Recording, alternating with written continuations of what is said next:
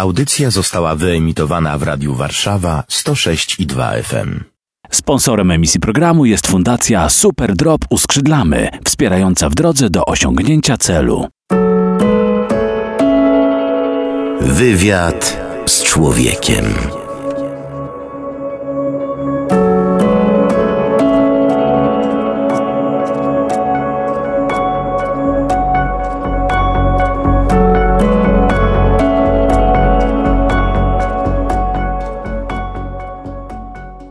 Paweł Kęska, witam Państwa serdecznie w audycji Wywiad z Człowiekiem. Dziś będziemy mówić, proszę Państwa, o honorze na pewno i o walce o godność człowieka, naszego bliźniego. Moim gościem jest dziś pan Bartosz Rutkowski, prezes i założyciel Fundacji Orla Straż. Witam serdecznie. Dzień dobry panie redaktorze, dzień dobry państwu. Bartosz Rutkowski, żołnierz. Tak lepiej? Przepraszam, że się śmieję, ale jako nastolatek byłem tak nazywany na obozach nurkowych przez wszystkich znajomych, bo chodziłem od 12 roku życia w mundurze. No chyba żołnierz i do końca życia żołnierz, nawet jak już się zdejmie ten mundur. Kiedy pan pierwszy raz był w Iraku? Dokładnie wyjechałem w lutym 2016 roku, sześć dni po zdjęciu munduru. I to była misja prywatna, a nie służbowa? E, tak, ja nigdy nie byłem na żadnej misji służbowo, bo nurkowie raczej w rejonach, gdzie działamy, byli średnio potrzebni. No a teraz nadrobiłem chyba trochę za, za tą moją nieobecność. O tym drukowaniu i o skokach spadochronowych jeszcze powiemy, bo to też, e, to też bycie żołnierzem ma swój smak. Natomiast to po co pan jechał? Wjechałem dlatego, że przeczytałem informację o tym, że terroryści z państwa islamskiego ukrzyżowali dwunastolatka niedaleko Aleppo w Syrii. I przeczytałem tę informację na 15 minut przed rozpoczęciem pracy. Zadałem sobie bardzo proste pytanie, czy gdyby to dotyczyło mojego dziecka, to chciałbym, żeby nikt z tym nic nie zrobił. No, odpowiedź jest oczywista, prawda? Nie chciałbym. No to drugie pytanie było, czy ja mogę z tym coś zrobić, żeby taka historia się nie powtórzyła, choćby w wymiarze jednego dzieciaka. No i tu system obronny się włączył, czyli powiedziałem sobie, że no oczywiście nie, bo to daleko, bo nie znam języka, bo mam pracę, żonę, dzieci. Tylko też istnieje coś takiego jak stanięcie w prawdzie. To mi się przydarzyło sekundę później i sobie uświadomiłem, że gdybym się zdecydował wywrócić moje życie do góry nogami, no to pewnie jestem w stanie uratować jedno dziecko. Podszedłem do drukarki, wyjąłem kartkę A4 z drukarki, wziąłem do ręki ołówek i zacząłem notować, co jest prawdopodobnie potrzebne do wyjazdu. Jak dzisiaj pamiętam pierwszą pozycję, którą zapisałem, sprawdzić wymagane szczepienia. E, potem był plecak, buty, tam sto innych rzeczy i wróciłem do domu. Wieczorem poprosiłem żonę o rozmowę. E, no i mówię, że czy nie miałem nic przeciwko temu, żebym się rozstał z mundurem. Ja 22 lata byłem żołnierzem, prawie 19 lat nurkiem. No i Mariola zapytała się, czy mam pomysł, co chcę robić w życiu. Ja mówię, tak, kochanie, chciałbym wyjechać na Bliski Wschód i pomóc ludziom, którzy cierpią z rąk państwa islamskiego.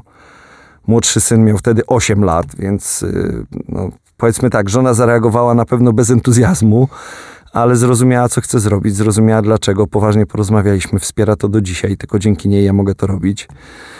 No i cóż, sześć dni po rozstaniu się z mundurem, które było konieczne, z dwoma plecakami, pierwszy raz tam wyruszyłem. Jak to się robiło? To trzeba było mieć jakieś dyplomatyczne dokumenty, albo zgody czyjeś, albo pisma, papiery, wizy, no, zapytać kolegów, którzy byli na misjach, jak to się załatwia? Yy, wie pan co, chyba takim trochę szczęściem, trochę zdrowym rozsądkiem poszukałem, kto ostatni miał relacje z tamtych e, rejonów i był to e, Witek Repetowicz, dziennikarz.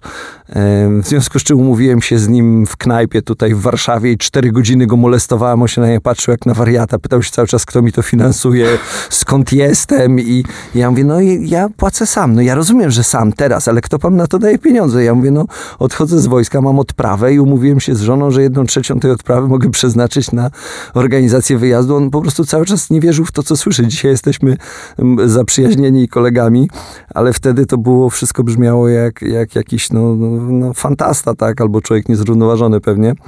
Cztery godziny przepytywałem go, wszystko notowałem, od tego, jakie są standardy w gniazdek, jak się porusza, ile kosztują przejazdy, czym, gdzie. No, potem nawiązałem jakieś tam kontakty też przez internet z różnymi osobami. Zrobiłem listę miejscowości, które chcę odwiedzić, rzeczy, które chcę zobaczyć, ludzi, z którymi się chcę spotkać. Mam ją gdzieś tam na pamiątkę schowaną w papierach.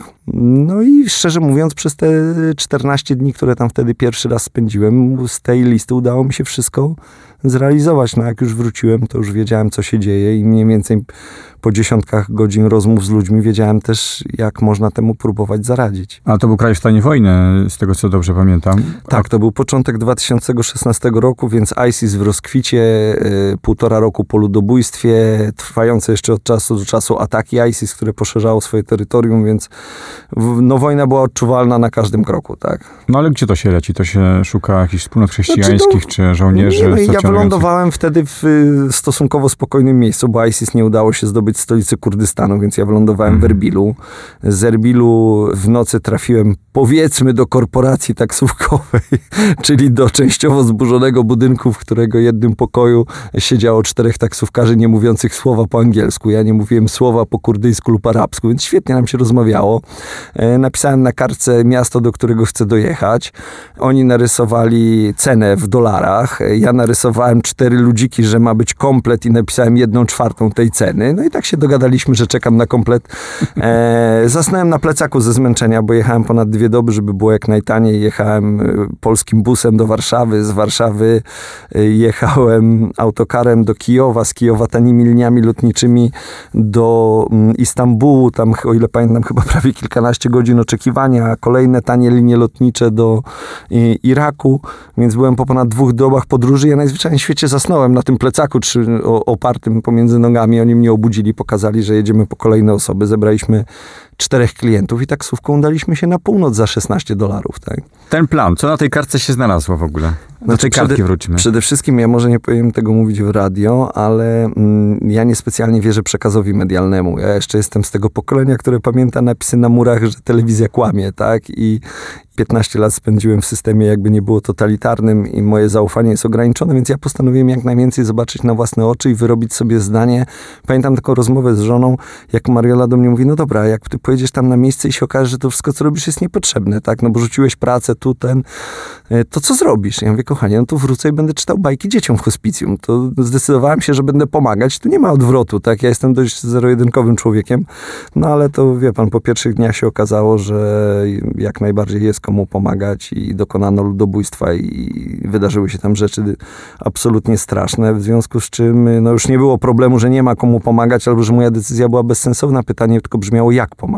W jakim mieście, w jakim miejscowości ten chłopiec zginął? To jest wioska niedaleko Aleppo i problem cały polega na tym, że ja byłem kilkukrotnie tutaj i rozmawiałem już kilkunastokrotnie z ambasadą i z konsulatem syryjskim w Polsce. Niestety ja jestem emerytowanym żołnierzem NATO, w związku z czym z automatu jestem szpiegiem, no i grzecznie pomimo rozmów wszystkiego powiedziano mi, że no wiza to nie bardzo, tak? W związku z czym ja nigdy nie dotarłem do miejsca, gdzie ten chłopiec zginął, czego bardzo żałuję, bo stracił życie w sposób absolutnie dramatyczny, ale w sumie przez to, co się wydarzyło, pewnie pomoc dostały setki innych dzieciaków, więc, więc chciałbym, żeby jego rodzina chociaż wiedziała, ci, co przeżyli, bo wtedy też zginął jego ojciec tego samego dnia, też ukrzyżowany. E, Chciałbym, żeby mieli świadomość, że śmierć tego chłopca no, nie poszła na darmo. Mam nadzieję, że kiedyś mi się uda wyjechać do Syrii. No, inshallah. Hmm. A to był chrześcijanin.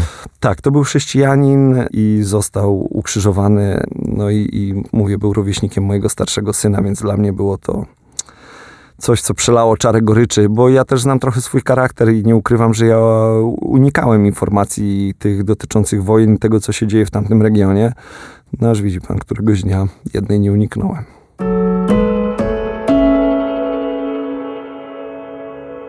To wróćmy może do tej kartki i do tej podróży. Noc, taksówka, wspólna podróż. Dokąd? Wspólna podróż na północ, czyli do stolicy prowincji do Dahok. To jest, Kurdystan składa się z trzech prowincji. To jest ta najbardziej północna, e, gdzie wtedy w tej prowincji trwały tak działania wojenne i e, przeciwko ISIS. Y, No i pamiętam taki moment, jeden, jedyny moment takiego zawahania, to jak wysiadłem e, z tej taksówki, ona odjechała, stanąłem w środku prawie dwumilionowego miasta, nie znając y, y, słowa w lokalnym języku, e, mając tylko kilka kontaktów w telefonie komórkowym. I powiem panu, że to był taki moment, kiedy co ty tutaj robisz, tak, na ile to wszystko ma sens, no ale cóż, no, zawsze się robi pierwszy krok, tak? Zarzuca pan plecak na plecy, przechodzi pan na drugą stronę ulicy, tam jak dzisiaj pamiętam był szyld z narysowaną Coca-Colą, bo nie byłem w stanie go odczytać, ale no, e, przepraszam, dokładnie Pepsi-Colą, co było dość uniwersalne we wszystkich językach świata i, i trafiłem do knajpki prowadzonej przez syryjskiego uchodźcę.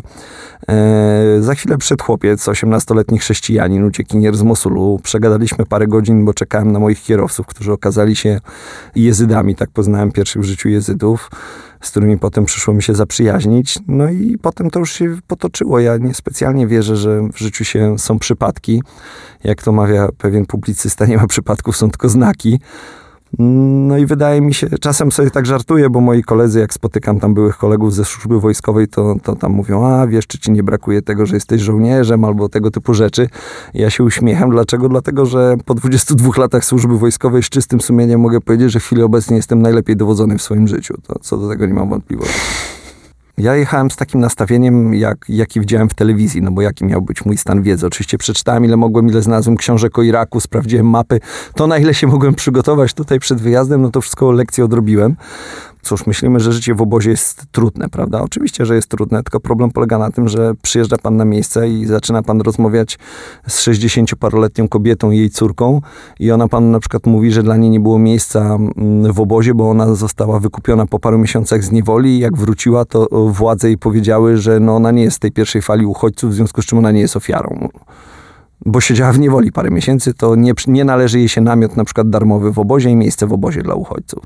I nagle się okazało, że te obozy dla uchodźców, y, które są dramatycznym miejscem, no tak, ale dookoła nich na przykład w tej jednej miejscowości, co byłem, Kankę, jest sobie obóz dla uchodźców, jest tam kilkanaście tysięcy ludzi. Problem polega na tym, że dookoła tego obozu jest około 1050 namiotów i w nich mieszka kolejne 6 tysięcy ludzi, tego nikt nie wie ile dokładnie, tak? I oni potrzebują pomocy, a oni się nie zmieścili w obozie. Mhm. W górach tych, tych ludzi jest jeszcze więcej, tak? Ludzie pouciekali między szczyty górskie Sardaszti, największy chyba dziki e, obóz, obóz w Iraku, gdzie ludzie w czasie ludobójstwa w 2014 roku uciekli między szczyty górskie i po prostu założyli tam de facto, no powiedzmy osadę, tak? Czy, czy nie wiem jak to nazwać. No i oni tam są dalej po tych siedmiu zimach i prawie ośmiu latach. No. Za tym pierwszym razem pan był w tych miejscach, w obozach? Spotkał pan tych ludzi? Tak, no to wie pan, to do, udało mi się też dotrzeć tam do jednostek samoobrony, odwiedzić ich na froncie. Tu mi dużo pomogła jedna z małych stacji telewizyjnych, nie chcę im tam e, robić problemów. W każdym razie wyjechałem tam, udało mi się zyskać e,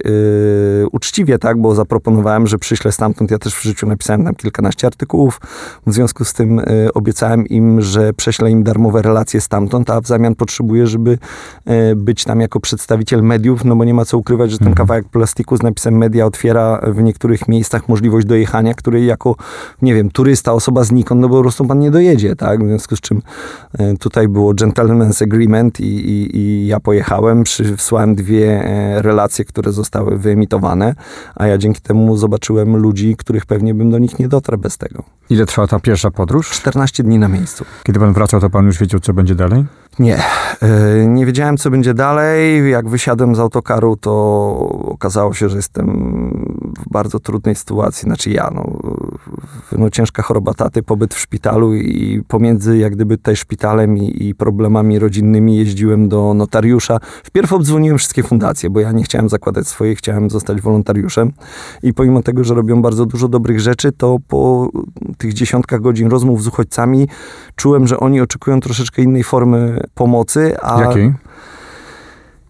No na przykład takiej, że y, odbudowujemy tam ludziom bezpośrednio miejsca pracy, tak? Albo jak była wojna, to pomagaliśmy rodzinom żołnierzy. No żadna fundacja humanitarna nie pomaga rodzinom żołnierzy, bo to jest angażowanie się. Tak. Ja mówię, słuchajcie, no ale to nie jest konflikt, wojna domowa. Z jednej strony mamy ewidentnych terrorystów, którzy mordują kobiety i dzieci a z drugiej mamy miejscowego sołtysa, nauczyciela języka aramejskiego, studenta pierwszego roku anglistyki, y, właściciela sklepu z odzieżą, którzy założyli samoobronę i bronią tej wsi, tak? I też są uchodźcami, y, y, na przykład, bo są z sąsiedniej wsi, nie mają czym opłacić czynszu, ich dzieci nie mają ubrań na zimę, nie mają jedzenia, służą na froncie w trampkach.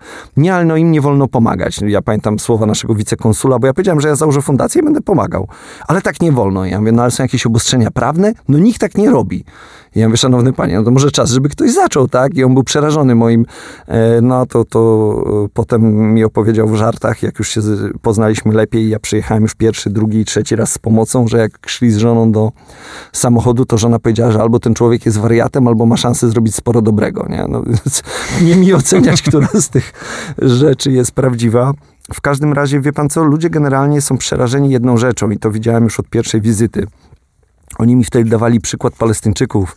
Mianowicie oni się bali, że świat uzna, że tak powinno być. Że to, że oni mieszkają w obozach, że mają zburzone domy, że nie mają odbudowanych miejsc pracy, że wegetują na comiesięcznej kroplówce pomocy humanitarnej, od której są uzależnieni, a która długofalowo zabija w nich naturalną dla ludzi chęć pracy i kreatywność, tak? No bo ja rozumiem, to jest potrzebne natychmiast po, po kataklizmie, no ale 7 lat po kataklizmie, 8 lat po kataklizmie? To e, samo jest w Donbasie, to samo to jest, samo jest wszędzie. w obozach w Libanie. To samo jest wszędzie i też dramat się zaczyna, ludzie na przykład boją się wyjść z obozu po jakimś czasie, tak? Bo tu dostają na przykład raz na miesiąc 24 dolary. I dosłownie ludzie boją się podjąć decyzję wyjścia poza i rozpoczęcia życia od nowa, tak? No więc to, to też mm, ja uważam, że no, trzeba bardzo ostrożnie Czyli nie chodzi o pieniądze, chodzi o rozsądek i o relacje przede wszystkim. Znaczy, wie pan co, chodzi o to, żeby pozwolić ludziom żyć tak, jak na to zasługują, tak? A to są normalni ludzie. Ja zawsze, jak tutaj dawałem dzisiaj świadectwo w kościele, ja mówię, szanowni państwo, zrozumcie, że ci ludzie przed konfliktem, przed atakiem terrorystów, to byli tacy ludzie, jak wy, którzy tu siedzicie. Bardzo różni, tak?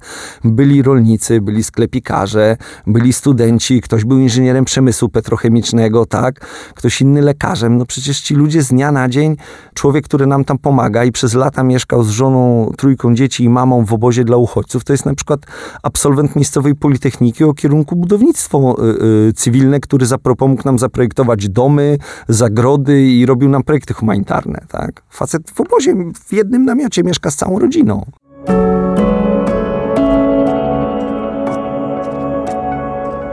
Ten chłopiec, jego historia była tym momentem, punktem, e, który pan skłonił do tej podróży. Czy pan znalazł odpowiedź na ten dramatyczny apel w jakimś sensie? Pan spotkał takich ludzi, którym można pomóc, którzy są zagrożeni i może jakieś twarze, może jakieś historie tych osób, które pan potem co? dawały panu siłę. Siłę w pierwszej chwili to było chyba wręcz odwrotnie, bo ja po pierwszej rozmowie z taką dziewczynką, kobietą powiedzmy, która była kilkanaście miesięcy w niewoli, to jak ona mi opowiedziała to, przez co przeszła i ja zobaczyłem jej ręce, ona była po paru próbach samobójczych i próbowała to ukryć nosząc zegarek i to powiem panu, że po tej opowieści ja wyszedłem na zewnątrz namiotu i byłem tak wstrząśnięty i mój organizm tak zareagował, że żółć mi się rzuciła do ust. Ja nie byłem w stanie mówić przez chwilę, a nie uważam się za osobę jakąś tam specjalnie miękką albo wrażliwą. I wtedy pamiętam mój tłumacz języcki, który stał obok, powiedział do mnie, nadajesz się. Ja mówię, ale nadajesz się do czego, jak już byłem w stanie mówić? A on do mnie mówi, nadajesz się, bo nie płaczesz. I powiem panu, że ja nie płaczę, no bo to, cóż, mówiąc, parafrazując klasykę, chłopaki nie płaczą, ale mówiąc zupełnie poważnie, no płacz niczego nie zmienia. No możemy sobie wszyscy usiąść i poużalać się nad kimś, ale od tego ani jedno dziecko e, nie zostanie uratowane i ani jedna kobieta. Trzeba się po prostu wziąć do pracy i robić swoje. I nagle się okazało, że no, ci ludzie mają zupełnie normalne problemy. Nie mają ogrzewania, nie wiem, na zimę, nie mają możliwości refundacji operacji kręgosłupa kobiety, która uciekła z dziećmi na rękach przez góry i mąż konając jej oddał swoją wodę i został, żeby umrzeć, a ona z dzieciakami uciekła, tak? I, i, i tak dalej, i tak dalej. I nagle się okazało, że właściwie no, można im pomóc, tak? Tylko tak naprawdę ja zawsze mówię, że trzeba spełnić minimum dwa warunki. Znaczy, po pierwsze, tych ludzi słuchać, po drugie, chociaż trochę ich lubić, tak? No bo jeżeli pan z kimś nie rozmawia, a- zdarzyła mi się kiedyś taka instrukcja jednej dużej fundacji e, pomocowej, w której było napisane, żeby nie rozmawiać z osobami, którym udzielamy pomocy. Tak? No, no, dla mnie jest to trudne do zrozumienia, bo ja się staram maksymalnie skrócić ten dystans. Tak? Czyli nie śpimy po hotelach, śpimy u uchodźców, śpimy w śpiworach z nimi na podłodze. Nie po to, żeby opowiadać tutaj potem nie jakieś heroiczne opowieści, że problemem jest spanie w śpiworze, no bo po dwudziestu paru latach wyjazdów na poligon to spanie w śpiworze raczej nie jest problemem. Tylko chodzi o to, że skraca pan dystans i to, o czym pan z tymi ludźmi rozmawia w nocy, jak oni pękają, jak oni, nie wiem, o drugiej w nocy po wypaleniu 20 papierosa zaczynają opowiadać, jak przeżyli własne rozstrzelanie, albo jak ob- obok nich ginęli ich bliscy, albo że nadal mają bliskich w niewoli i nie jest stać ich na ich wykupienie i tak dalej, i tak dalej. Dziesiątki tych historii, to buduje zupełnie inne relacje czasem widząc bezmiar tego, co sam się wydarzyło, ja przeżyłem to też niestety z paroma osobami z Polski, ludziom się włącza taki syndrom Boga. Czyli zaczynają obiecywać pomoc, której nie mają możliwości tak naprawdę realnie udzielenia, lub też po powrocie do Polski realne problemy dla dnia codziennego powodują to, że no, idzie to w dalszą, prawda, tam nieokreśloną przyszłość i nie jest realizowane, a ci ludzie tam zostają i oni tej pomocy oczekują, bo pan był e, jedyną osobą w towarzystwie tego, powiedzmy, tam kolegi, tak, tam biznesmena czy dziennikarza, który dotarł do tych ludzi, nikt inny z Europy nigdy do nich nie dotarł, a tu przyjechał pan i powiedział, że pomoże mu, tak, tam pomoże jemu, dzieciom i, i tak dalej, i tak dalej. To wszystko się potem nie wydarzyło i trudno jest to wytłumaczyć, więc ja jestem bardzo, bardzo ostrożny i zawsze już teraz mam nauczkę instruuję ludzi, że no absolutnie nic nie obiecuj, tak, wróć, przemyśl, zastanów się, na ile masz, tak naprawdę wszyscy, pan, ja, no wszyscy ludzie, których w życiu spotkamy, mamy tylko jedną walutę, żeby pomóc innej osobie. Tą walutą jest czas. I on oczywiście występuje w stu postaciach. Jeżeli pan wrzuca mi, nie wiem, pieniądze, dwa złote do e, puszki, to to nie jest dwa złote, tylko to jest czas, jaki pan poświęcił, żeby zarobić te dwa złote. Pan go mógł wydać w zupełnie inny czas. Mógł go pan spędzić z rodziną, mógł go pan spędzić na wycieczce, tak, mógł pan zrobić coś dla siebie. W związku z czym wszyscy dysponujemy określoną ilością tej waluty czasu. No i pytanie, e, ile z niej chce pan poświęcić na to, żeby pomagać innym? Bartosz Rutkowski, żołnierz, wraca z tej podróży dwutygodniowej do Iraku. Ogrom doświadczeń, ogrom pewnie emocji. Mały człowiek wobec e, nieskończonych dramatów, czy zupełnie inaczej? Co było po powrocie? Wie pan co, ja nie mam czegoś takiego, że nie wiem, tam jakoś się wzruszam albo mam jakieś głębokie przemyślenia, cza- znaczy no przemyślenia to pewnie jakieś mam, tak, ale jest taka masa roboty do zrobienia, że... e, Że trzeba robić. No trzeba to po prostu robić, tak. Czyli co? Wie pan co, jak kiedyś lu- ludzie się tam, ktoś mi powiedział, że ale, bo to tam zrobiłeś to, to udało się. Ja mówię, wiesz co, ale to wszystko się udało tylko i wyłącznie z jednego powodu. Ja po prostu ani przez chwilę nie pomyślałem, jakie są problemy. Nigdy nie pomyślałem, że to się może nie udać. Uważałem, że dostałem zadanie do wykonania, tak?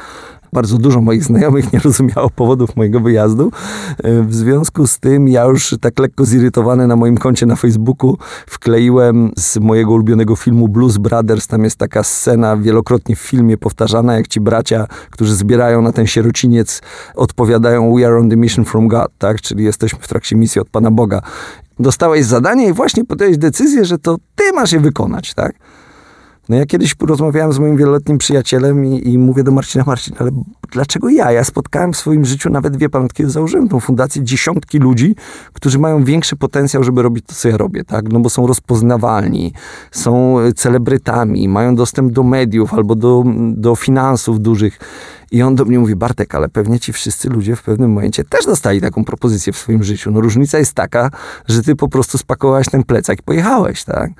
Wie pan, ja mam żonę, dzieci, życie i, i oczywiście to jest super, co robimy, ale to też momentami jest trudne, nie? Nawet bardzo trudne. No to o tych trudach i o tym, co konkretnie się dzieje, bo mija kilka lat, wyjazdów było już e, sporo. No ja byłem dziewięć, chłopaki byli, Tak. da, Dawid był dziesięć, no I pewnie co to za chłopaki w wyjazdów- ogóle? I jak to zaczyna pracować? Już panu mówię, wraca... Bo jak pewnie była przed wyjazdem kartka zapisana, co chce zobaczyć, co chce sprawdzić, a Tak. może jak pan wrócił, to pan napisał, ok, robimy to, jeden, dwa, trzy, cztery. No tak, no w ogóle wie pan, ja sobie założyłem pierwsze cele, bo ja nie zdawałem sobie sprawy też z hojności i chęci do pomocy Polaków. I tutaj muszę się uderzyć w piersi, obojętnie co tam ludzie opowiadają tym, że Polacy nie chcą po- opowiadać, to ja się, znaczy pomagać, to ja się tylko śmieję, no bo ja rozumiem, żebym ja to powiedział jako osoba, która żebrze w różnych miejscach z puszką w ręku, tylko że ja akurat mam dokładnie odwrotne zdanie. Wie pan, ja wróciłem, założyłem sobie, że żeby to moje tam mm, rzucenie, prawda, wyjście z pracy, jakieś inne rzeczy miały sens, no to y, zaplanowałem sobie, że uzyskam w ciągu roku wsparcie na poziomie 10 tysięcy dolarów, tak? Czyli uda mi się pomóc tam kilku osobom rocznie. Y, Czyli konkretni ludzie, którym się pomaga. tak, tak, których byłem, widziałem, chciałem zacząć od takich... Żadne ogólne cele, prawda, dostarczamy wodę gdzieś nie, no, chciałem pomóc od takich namiotów, w których za wsią żyły kobiety z dziećmi, które były Mhm. w niewoli, tak? No to, to zresztą do dzisiaj pomagamy w tym miejscu. To było, no wie pan, to trzeba było no, natychmiast pomagać. No, jak ma pan, na ile ma pan lat odłożyć pomoc dzieciakowi, który był w niewoli, tak? No to nie ma czegoś takiego. I ja sobie zaplanowałem, że w ciągu roku zbiorę 10 tysięcy dolarów, czyli powiedzmy tam no niecałe 40 tysięcy złotych wtedy. I wie pan, za chwilę się okazało, że na mojej drodze spotkałem człowieka, który spokojnie mnie wysłucha i powiedział, dobra, to tyle to ja ci sam dam, tak? I ja, wie pan, usiedzieliśmy w jakiejś restauracji w Warszawie i moja pierwsza myśl była, że to jest jakiś mitoman, albo wie pan, jakieś ma zaburzenia, tak? No bo ja też od 22 latach służby wojskowej ja dostałem tam 30 parę tysięcy odprawy, tak? Tam niecałe około, ile dobrze pamiętam, 400 tysięcy. W związku z czym dla mnie było niewyobrażalne, że ktoś porównywalną sumę jest w stanie przekazać komuś na pomoc humanitarną, no bo tak, a tutaj nagle siedzi przed panem biznesmen i mówi, to ja panu, panie Bartku, tyle sam dam, tak? Bo zobaczyłem z panem przed Wielkanocą materiał i uważam, że to był taki sygnał dla mnie od Pana Boga. No to ja po prostu patrzyłem i zastanawiałem się, mhm, Pan tak. Bóg dowodzi. Tak, na ile to jest teraz realne, prawda? No i okazało się, że to jest bardzo realne. Te pieniądze wpłynęły. Y, Zaplanowaliśmy pierwszy wyjazd z pomocą. Setki ludzi, a potem chyba no już w chwili obecnej mogę powiedzieć, tysiące nam pomagają. Najmniejsza re regularna wpłata, którą dostajemy co miesiąc, to są dwa złote i pani nam je wpłaca z takim dopiskiem, że więcej nie mogę, tam trzymajcie się z Panem Bogiem i tak dalej. Udało nam się jakoś zaktywizować ja się śmieję, że my jesteśmy remedium na bezradność. Pokazujemy, co się wydarzyło, co jest złego i jak to można naprawić. Jak się naprawia? To zależy od sytuacji. Dlaczego? Dlatego, że mm, każda rodzina jest inna. Mhm. Ja jestem przeciwnikiem takich jakichś ogromnych y, planów, dlatego, że no nie ma dwóch takich samych rodzin, nie ma dwóch takich samych potrzeb, które by się w 100% pokrywały, bo w jednej rodzinie będzie pan miał osobę, która na przykład, nie wiem, y, wcześniej pracowała w firmie ogrodniczej, ma umiejętności y, otworzenia, jeżeli pan jej otworzy szklarnię, to ona utrzyma siebie i całą rodzinę, tak? Pracując razem. Ale Y, mówimy ciągle o ludziach, którzy są w tych y, miastach czy też wioskach, gdzie jest zniszczona infrastruktura, nie ma pracy, bądź w tak, obozach. o uciekinierach, o Mhm. przesiedleńcach, tak, bo mm, no, uchodźca to, żeby spełniać formalne warunki nazwania kogoś uchodźcą, no to on musi uciec poza teren swojego kraju, a problem polega na tym, że są setki tysięcy przesiedleńców, czyli ludzi, którzy usiedli, uciekli z jednej części na przykład Iraku do drugiej przed wojną, tak. Czyli a nie mogą wrócić do terenu. wewnętrzni tak. Tak, IDP-ki, czyli y, wewnętrznie tak, internal displaced persons. Tu jest problem, tak, i ich już na przykład programy pomocy uchodźcom nie obejmują. To tak? pan opowie o tych ludziach. Konkretnie, wiadomo, Dobra, no to mówiąc krótko, no ja zadaję proste pytania, tak? Pierwsze to było pomoc dzieciakom, zaczęliśmy rodzina po rodzinie, potem odkryliśmy, odezwał się od nas, y, do nas taka fundacja niemiecka, która obok próbowała zbudować i już nawet zbudowała budynek na y, powiedzmy sierociniec czy tam dom dziecka, tylko nie mieli pieniędzy na podłączenie generatora, mieli zgodę na podłączenie do sieci y, miejskiej wody, a nie mieli pieniędzy na sfinansowanie tego i i myśmy rozpoznali, zobaczyliśmy jak oni się opiekują dzieciakami. Ja mówię, dobra, to tutaj wam wysyłam umowę ramową, podpiszcie, tak. No i myśmy im następnego dnia przelali pieniądze na podłączenie prądu i wody, więc oni lekko nie mieli, bo oni tam szukali jakichś darczyńców, akcje nagłaśniali w Niemczech, a to jakaś jednoosobowa fundacja z Polski, czy tam już wtedy może dwuosobowa, zaraz opowiem o chłopakach. Przysyła im z dnia na dzień pieniądze i mówi, dobra, to tam podłączajcie generator, macie na to dwa tygodnie, tak jak mówiliście i czekamy na materiały, od nas facet przyjedzie zobaczyć, jak to zrobiliście, tak? Mm, No i tak się zaczęło i, i współpracujemy z tym ośrodkiem do dzisiaj. Co miesiąc przesyłamy 2,5 tysiąca euro. To jest dla nas dużo jako regularna pomoc, a robimy to już czwarty rok, o ile się nie mylę. No to była pierwsza pomoc dla dzieciaków, tak? I oczywiście tam pojedyncze rodziny zaczęły się do nas. To jest w ogóle nasz problem, a z jednej strony, z drugiej strony ja uważam, że błogosławieństwo, czyli my nie mamy profilu. Większość fundacji ma jakiś profil, czyli na przykład my udzielamy pomocy medycznej, a my zapewniamy dostęp do ciepłej wody, a my tam czymś tam, czymś tam. No problem polega na tym, że Orla Straż często dociera do takich rodzin, które wcześniej nie miały żadnej pomocy. I ja nie mogę tym ludziom powiedzieć, oni mi na przykład opowiedzą o jakimś swoim problemie, że tata mógłby pracować i utrzymać całą rodzinę, ale nie ma buta ortopedycznego, który kosztuje 300 dolarów i w żaden sposób. I ja mu powiem, a nie, nie, to jest wypadek medyczny, my się tym nie zajmujemy. No nie, no trzeba ojcu kupić but ortopedyczny i tyle, tak? Pan powie o tych osobach. To są- Ile jest tych rodzin, tych osób Ojej, teraz? wie pan co, samych jezydów, którzy uciekli Mhm. przed ludobójstwem, to było ponad 200 tysięcy ludzi. Ale w sensie, którym pomagacie teraz? Nawet jak mnie pan się zapyta, ilu osobom dokładnie pomogliśmy, Mhm. to ja ucieknę od odpowiedzi, dlatego, bo to wszystko zależy od jaką definicję pan przyjmie pomocy. Mhm. Ja jestem przeciwnikiem czegoś takiego, że jak pan raz komuś pomoże okazjonalnie, to pan pisze jakąś statystykę, że Ale tak, żeby pomógł. sobie to wyobrazić. Jak to Ojej, jest? wie pan co, samych tak, no domów odbudowanych do dzisiaj prawie 70, tak? Część ze wsparciem rządu polskiego, rodzin, y, rolników wyposażonych w zestawy zwierząt hodowlanych, bo żeby pomagamy ludziom, którzy przed wojną wojną byli rolnikami, pasterzami, więc wpadliśmy na pomysł po rozmowach z miejscowymi i kupujemy im taki zestaw startowy zwierzaków, czyli to są cztery kury, cztery kozy albo owce, pasza na cztery miesiące, wybudowana zagroda i taka mała z obejściem i z bramką. To wszystko kosztuje 8 tysięcy złotych, tak? I my w ten sposób wsparliśmy już ponad 250 rodzin. Znowu część z tego to był projekt rządowy i to duża część. Mamy ten projekt Dobra Praca. Tych projektów wszystkie robimy sami tylko i wyłącznie własnymi siłami. Do dzisiaj zrealizowaliśmy 85. Na- Też mogę się pomylić o jeden, dwa, bo one cały czas trwają, tak? Ja dzisiaj mogę dostać wiadomość, że kolejny się udało zrobić, więc mówimy no o 85 projektach, tak? Z serii Dobra Praca. A tutaj ma pan rozstrzał od szklarni, le, e, gabinetu lekarskiego, ślusarza, warsztatu spawalniczego, fryzjera, szewca, no właściwie każdy rodzaj działań, sklep spożywczy, mały bar e, rodzinny, robiący śniadania dla osób idących do pracy i wiele, wiele innych. No i za każdą z tych y, stoi odrębna rodzina, odrębna ich historia. Co więcej, bardzo często się teraz nam zdarza, że te osoby osiągnęły taki moment, że zaczynają pomagać innym. Mamy takiego panu, właśnie wspomniałem o tym barze. On nam dwa razy już przyniósł naszym ludziom w Iraku po kilkaset dolarów, bo oni wpierw otworzyli ten bar. Po y, pewnym czasie się do nas zwrócili z pytaniem, czy mogą go sprzedać, bo dorobili się już tyle pieniędzy, że chcieliby założyć firmę zajmującą się cateringiem, obsługą wesel, tego typu rzeczy. No i potem dorobili się takiego majątku, że pan nam dwa razy przywiózł po kilkaset dolarów wsparcia, tak? E, Więc pewnie de facto, jakbyśmy wszystko policzyli, to wsparcie, które otrzymał się w chwili obecnej, e, zrefundowało, tak? A, a rodzina jest całkowicie ustawiona, jeszcze pomaga innym. Czyli tak naprawdę to już są tysiące osób, które otrzymały pomoc. Jest taki film Ratownik z Kevinem Costnerem i się go pytają, ilu ludzi uratował i on mówi, że wielu nie uratował, tak. Mhm. Ja nie uratowałem kobiety, która między naszymi wizytami się pchnęła nożem i zginęła. Nie uratowałem dziewczynki chorej na raka, która zmarła i nie udało mi się jej załatwić chemioterapii. I mam za sobą trochę takich historii, które będę miał gdzieś tam w duszy do końca życia i to są ludzie, którym się nie udało pomóc. I ja o tych myślę, a wie pan, ci, którzy się udało, to trochę nie jest czas na liczenie i robienie statystyk.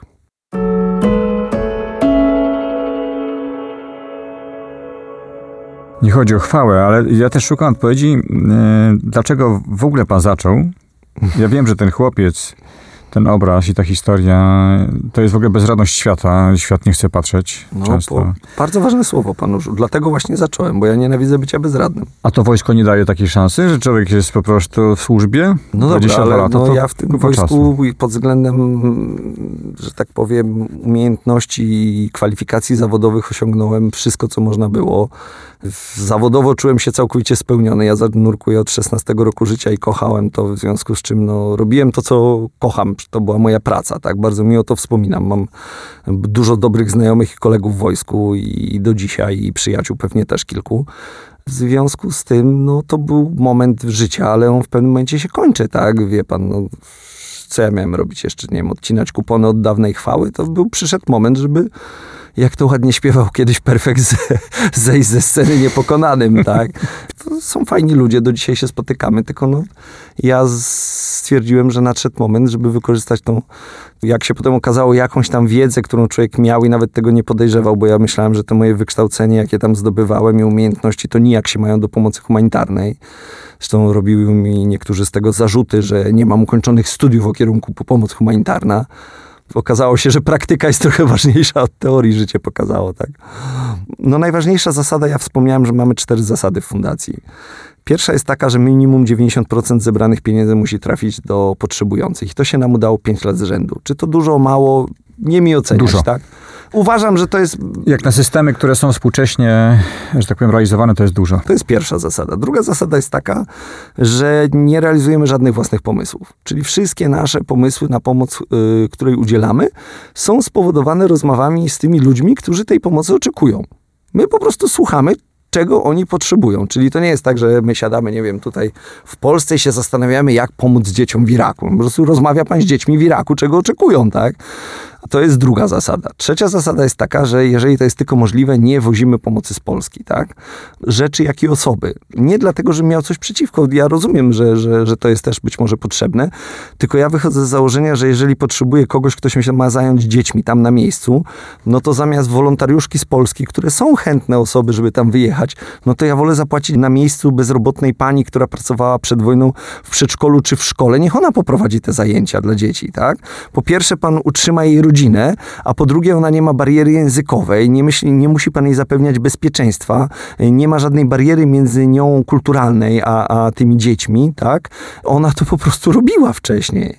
Więc wykorzystujemy potencjał tych ludzi i tam na miejscu. No jeżeli chcemy kupić odzież, to kupujemy ją y, w sklepiku z używaną odzieżą na miejscu. Jeżeli potrzebujemy żywności, kupujemy ją od rolnika na miejscu, bo inaczej ci ludzie nigdy nie będą mieli szansy odbudować swojego kraju. Po prostu wręcz odwrotnie, zasypując ich darmową pomocą z krajów zachodnich, doprowadzimy do tego, że niektóre gałęzie czy rolnictwa, czy przedsiębiorczości będą tam trudne do uzasadnienia pod względem ekonomicznym, tak? No bo jak pan ma jako rolnik e, wyjść na prostą, jeżeli ktoś zamiast kupować od pana będzie panu za darmo rozdawał żywność? No nie, nie wygra pan z tym, tak?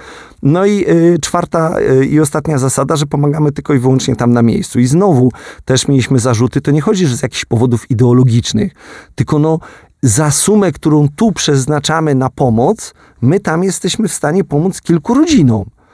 No to pytanie, wie pan, ja też jestem po takich rozmowach, może to źle zabrzmi, trudno, ale jeżeli trafia pan tam do faceta, który siedzi w namiocie z żoną i z dziećmi od kilku lat, bez pomocy, i on zadaje panu pytanie, czemu pomagacie w Europie tylko najbogatszym, to co ja mu mam odpowiedzieć?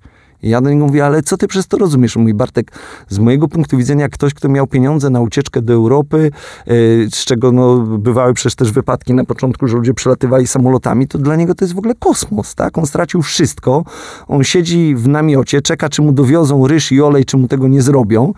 Yy, I on, czy tam mąkę, i on patrzy przez pryzmat, komu my udzielamy tej pomocy w pierwszej kolejności. Ja nie mówię, żeby nie pomagać ludziom, którzy dotarli do Europy, no ale jeżeli ktoś przyjeżdża z kraju, w którym nie było działań wojennych i my mówimy, że to jest uchodźca, no to też miejmy szacunek dla tych ludzi, którzy przeżyli wojnę, ludobójstwo, zostali tam na miejscu bez naszej pomocy, tak?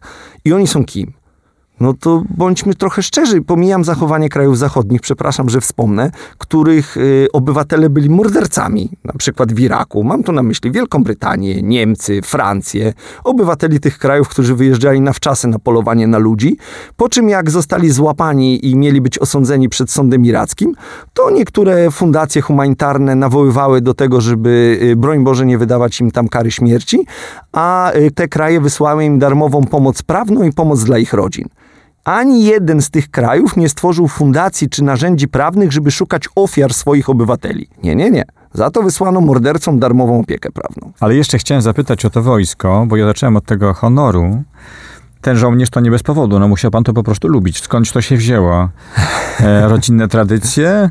No, dwóch dziadków, jeden w Narodowych Siłach Zbrojnych, drugi w Armii Krajowej. Czyli tradycje. No, i, więc wychowywanie od dziecka w takim duchu dość mocno militarno-patriotycznym pewnie, ale też chciałem wspomnieć, bo pan zadał mi pytanie i byłbym bardzo nie fair, bo, bo ja jestem jak gdyby twarzą medialną powiedzmy, ale tej całej fundacji by nie było bez tych chłopaków, którzy nam pomagają i bez setek wolontariuszy, bo to nie jest żaden Bartek Rutkowski, tak? Nas w fundacji jest czterech, mamy kilkunastu takich bardzo bliskich wolontariuszy, którzy z nami współpracują w sposób niesamowity, no i setki ludzi, którzy nas wspierają co miesiąc.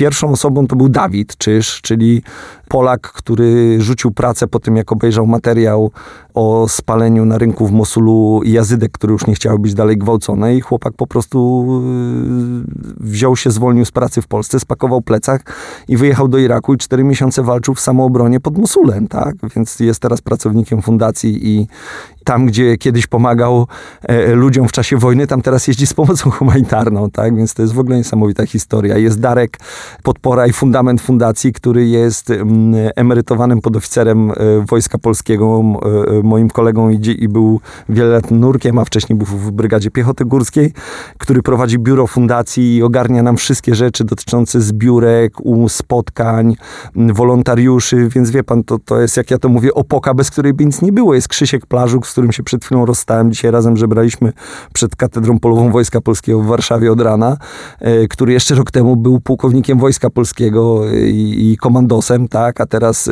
cały zadowolony stoi z puszką i pomaga dzieciakom.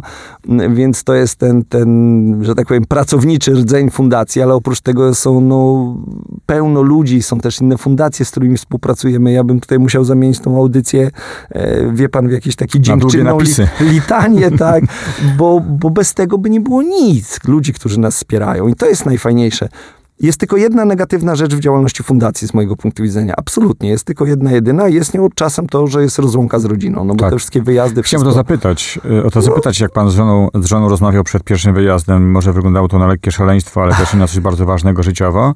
Minęło to kilka lat i jak ona teraz Znaczy, się no, do tego odnosi? żona, żona y, twierdzi, że jakbym siedział przed telewizorem, to by pewnie zwariowała, więc e, e, w związku z tym jak gdyby no, akceptuję to, że ja jestem aktywny i jeżdżę. Kiedyś mi, pamiętam, młodszy syn powiedział taki moment, w którym no, miałem e, moment moralnego zastanowienia, bo im powiedział, że jestem rzadziej w domu niż jak służyłem na Mhm. okręcie. E, W związku z czym musiałem też sobie w głowie wszystko poukładać. Wie pan, te pierwsze miesiące po tym powrocie to jest dramat, tak? Bo człowiek po tym, co zobaczył, e, chciałby teraz natychmiast już pomóc wszystkim, co jest oczywiście niemożliwe, tak? Ale pan się szarpie jak ryba w sieci, nie śpi pan, jeździ. Yy, no jak mnie dziennikarka zapytała, że chciałaby zrobić taki reportaż, jakie jest takie miejsce, które najbardziej się łączy z pana tutaj pracą fundacji. Ja mówię, no to myślę, że dworzec Warszawa-Młociny. Ona mówi, ale dlaczego? Ja mówię, no bo tam polski bus yy, yy, jest i ja tam przyjeżdżam polskim busem, żeby było taniej. Jak nie zdążę na ostatni polski bus do Trójmiasta, no to nam śpię z tymi bezdomnymi na ławkach, przychodzi straż miejska, no to wtedy ja czytam książkę, że nie śpię, no takie klimaty, wie pan. E, no ale taka jest prawda, tak? My jesteśmy bardzo często w drodze, ja jestem pewnie ponad trzy miesiące rocznie poza domem, każdy z nas robi po 20-30 tysięcy kilometrów jako kierowca, ale bez tego nie ma nic, bez spotkań z ludźmi, bez ich informowania, bez naszych darczyńców, oni muszą wiedzieć, to jest w ogóle najważniejsze. Ja zacząłem tą rozmowę od tego słowa honor, ale może to chodzi o coś innego. Oczywiście honor jest na pewno, ale jak pan by to wszystko określił? Bo to wojsko, ja, to, ja tak podpytuję o to wojsko, pan tu się wymyka cały czas do teraźniejszości. O skokach e, spadochronowych nie powiemy, o nurkowaniu pewnie już też nie. A w ogóle y, pan z jaką rangą odszedł z wojska? Po ludzku mówiąc major, czyli komandor podporucznik. Mhm. E, ale to wie pan, jakie to ma znaczenie. No, no, no właśnie. E, to honor, y, może inne słowo? no ale co powiemy, esprit de corps, czy, czy etos, czy... Nie mam, znaczy... Coś, do czego inni mogą się podłączyć, co jest wa- ważnego w tym wszystkim. Wie pan co, chyba wiarygodność. Ja sobie Wiarygodność. uświadomiłem po zdjęciu munduru, że właściwie jedyne co mam, no to jest jakiś tam szacunek, bo to jest zawód zaufania publicznego, tak? Tak. Ludzie tak jak wierzą strażakom, tak wierzą żołnierzom i tak naprawdę jedyne co pan ma to jest wiarygodność. Ja na pierwszym pamiętam jak zadzwoniłem, bo Krzysiu Plażuk wtedy był jeszcze tam rzecznikiem i, i zadzwoniłem do niego, bo jak robiłem pierwszą ulotkę fundacji, to zadzwonił do mnie pan z drukarni i mówi, proszę pana, no ale tu jest rada fundacji, tu jest profesor, e, wtedy profesor Selim Hazbijewicz, tak, który nam pomógł e, i był w Radzie Fundacji na początku, tu jest doktor medycyny, tu jest mecenas, a przy panu co napisać? Ja mówię, nie wiem, no nic niech pan napisze Bartek Rutkowski, tak? A on mówi, no nie, no ale jakiś tytuł. Ja mówię, no ale co pan chce napisać? Magazynier instalator, tak? Czyli mag- magister inżynier? Ja mówię, no nie ma sensu, tak? No i on mówi, no ale pan ma jakiś stopień wojskowy. Ja mówię, no ale nie będę pisał na ulotce stopnia wojskowego. No i zadzwoniłem wtedy do Krzyśka i mówię, Krzysiek, co ja mam zrobić? A on mówi, Bartek, czy ty jesteś nienormalny? Mówi, byłeś pół roku na kursie w Stanach. Przecież tam na wizytówce, jak ktoś był przez chwilę w wojsku, to do końca życia ma na wizytówce, prawda, retired tam, czy tam emerytowany żołnierz, czy ten. Mówi, przecież ty 20 lat co byłeś szewcem? Ja mówię, no nie, no żołnierzem. On mówi, no to odszedłeś, masz stopień, dopisz sobie rezerwy i napisz, że jesteś komandor podporucznik rezerwy, no bo Bartek jest jedyne, co masz, tak? Co ludzie mogą o tobie e, jakieś pierwsze wyobrażenie sobie stworzyć. I powiem panu, że to też wymaga jakiegoś tam przełamania psychicznego. No i do dzisiaj się śmieję, tak? Bo to tam, nie wiem, miałem jakieś do czynienia i ktoś tam do mnie krzyczy, panie komandorze, tak? No, albo panie prezesie, to przez długi czas w ogóle nie, się nie obracałem, bo jak gdyby nie docierało do mnie, wie pan, jak pan jest jednoosobowym prezesem fund- jednoosobowej fundacji, no to jest trochę śmieszne, tak? A czemu Orla Straż?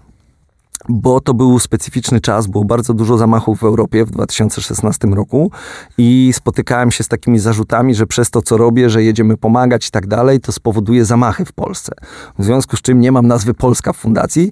No, teraz minęło parę lat i spotkałem, uwaga, yy, w zeszłym roku rozmowę, że czy pan się wstydzi Polski, bo pan nie ma nazwy Polska w fundacji, więc wie pan co, chyba nie jest pan w stanie zadowolić wszystkich. Mamy biało-czerwone logo, mamy orła yy, w logo, wspaniałe Wojtek, który nam wtedy pomagał i do dzisiaj z żoną pomaga, zaprojektowali logo fundacji i potem nam pomagali przy stronie internetowej, do dzisiaj pomagają. I to po prostu y, no Orla, bo no wiadomo, Polska tak i, i nasze godło narodowe, a straż, no dlatego, że tych ludzi po prostu trzeba pomagać bronić i nie można robić takich rzeczy, że rozlewa pan krokodyle łzy nad czteroletnią dziewczynką, którą ktoś porwał, albo ośmioletnią, która była wykorzystywana seksualnie, a y, osiemnastolatkowi w trampkach obok, który broni, żeby to się nie powtórzyło, to nie kupi pan już jedzenia. A nie, nie, bo to wie pan, to już no, dla mnie to jest, ja nie rozumiem tej logiki. Ja jako były żołnierz uważam, że tak samo jak trzeba ratować ofiary, tak trzeba wspierać ludzi, którzy tych ofiar bronią. To jest chyba oczywiste, tak. Bartosz Rutkowski, człowiek wiarygodny. Nie mi oceniać, tak. Jak mamy wspierać Orlą Straż? Orlą Straż, czyli, Czyli- ludzi, którzy są na miejscu w Iraku? Dokładnie. I w Iraku, i w Egipcie pomagamy. I mieliśmy projekty w Syrii i w Libanie, także to w różnych miejscach się staramy pomagać tam, gdzie trzeba. Ja mam nadzieję, że trafimy niedługo do e, państw w Afryce, gdzie, gdzie inne organizacje mordują ludzi. No to wszystko życie pokaże i czy będziemy w stanie to zorganizować. E, Co możemy zrobić? Y, odwiedzić przede wszystkim naszą stronę internetową, która jest taką kopalnią informacji od nas i przekierowaniem do innych miejsc, czyli na przykład do naszego kanału na YouTubie, tak, czyli www.orlastraż.org i tam traficie Państwo i na filmy dokumentalne, i na materiały, i na reportaże, artykuły. No po prostu sami będziecie, mi zależy na tym, żeby wspierały nas osoby świadome, tak. I to nie chodzi o to, żebym ja kogoś wzruszył, na moment on się popłacze, tylko żeby ludzie rozumieli potrzebę tego, że trzeba ludziom pomagać i że ci ludzie oczekują tej konkretnej pomocy w taki, a nie inny sposób. W związku z czym, no zróbmy to razem, tak? Moim gościem był dziś Bartosz Rutkowski, prezes, założyciel Fundacji Orla Straż. Zróbmy to razem, proszę Państwa. www.orlastraż.org. Dziękuję bardzo, pozdrawiam Państwa, do widzenia.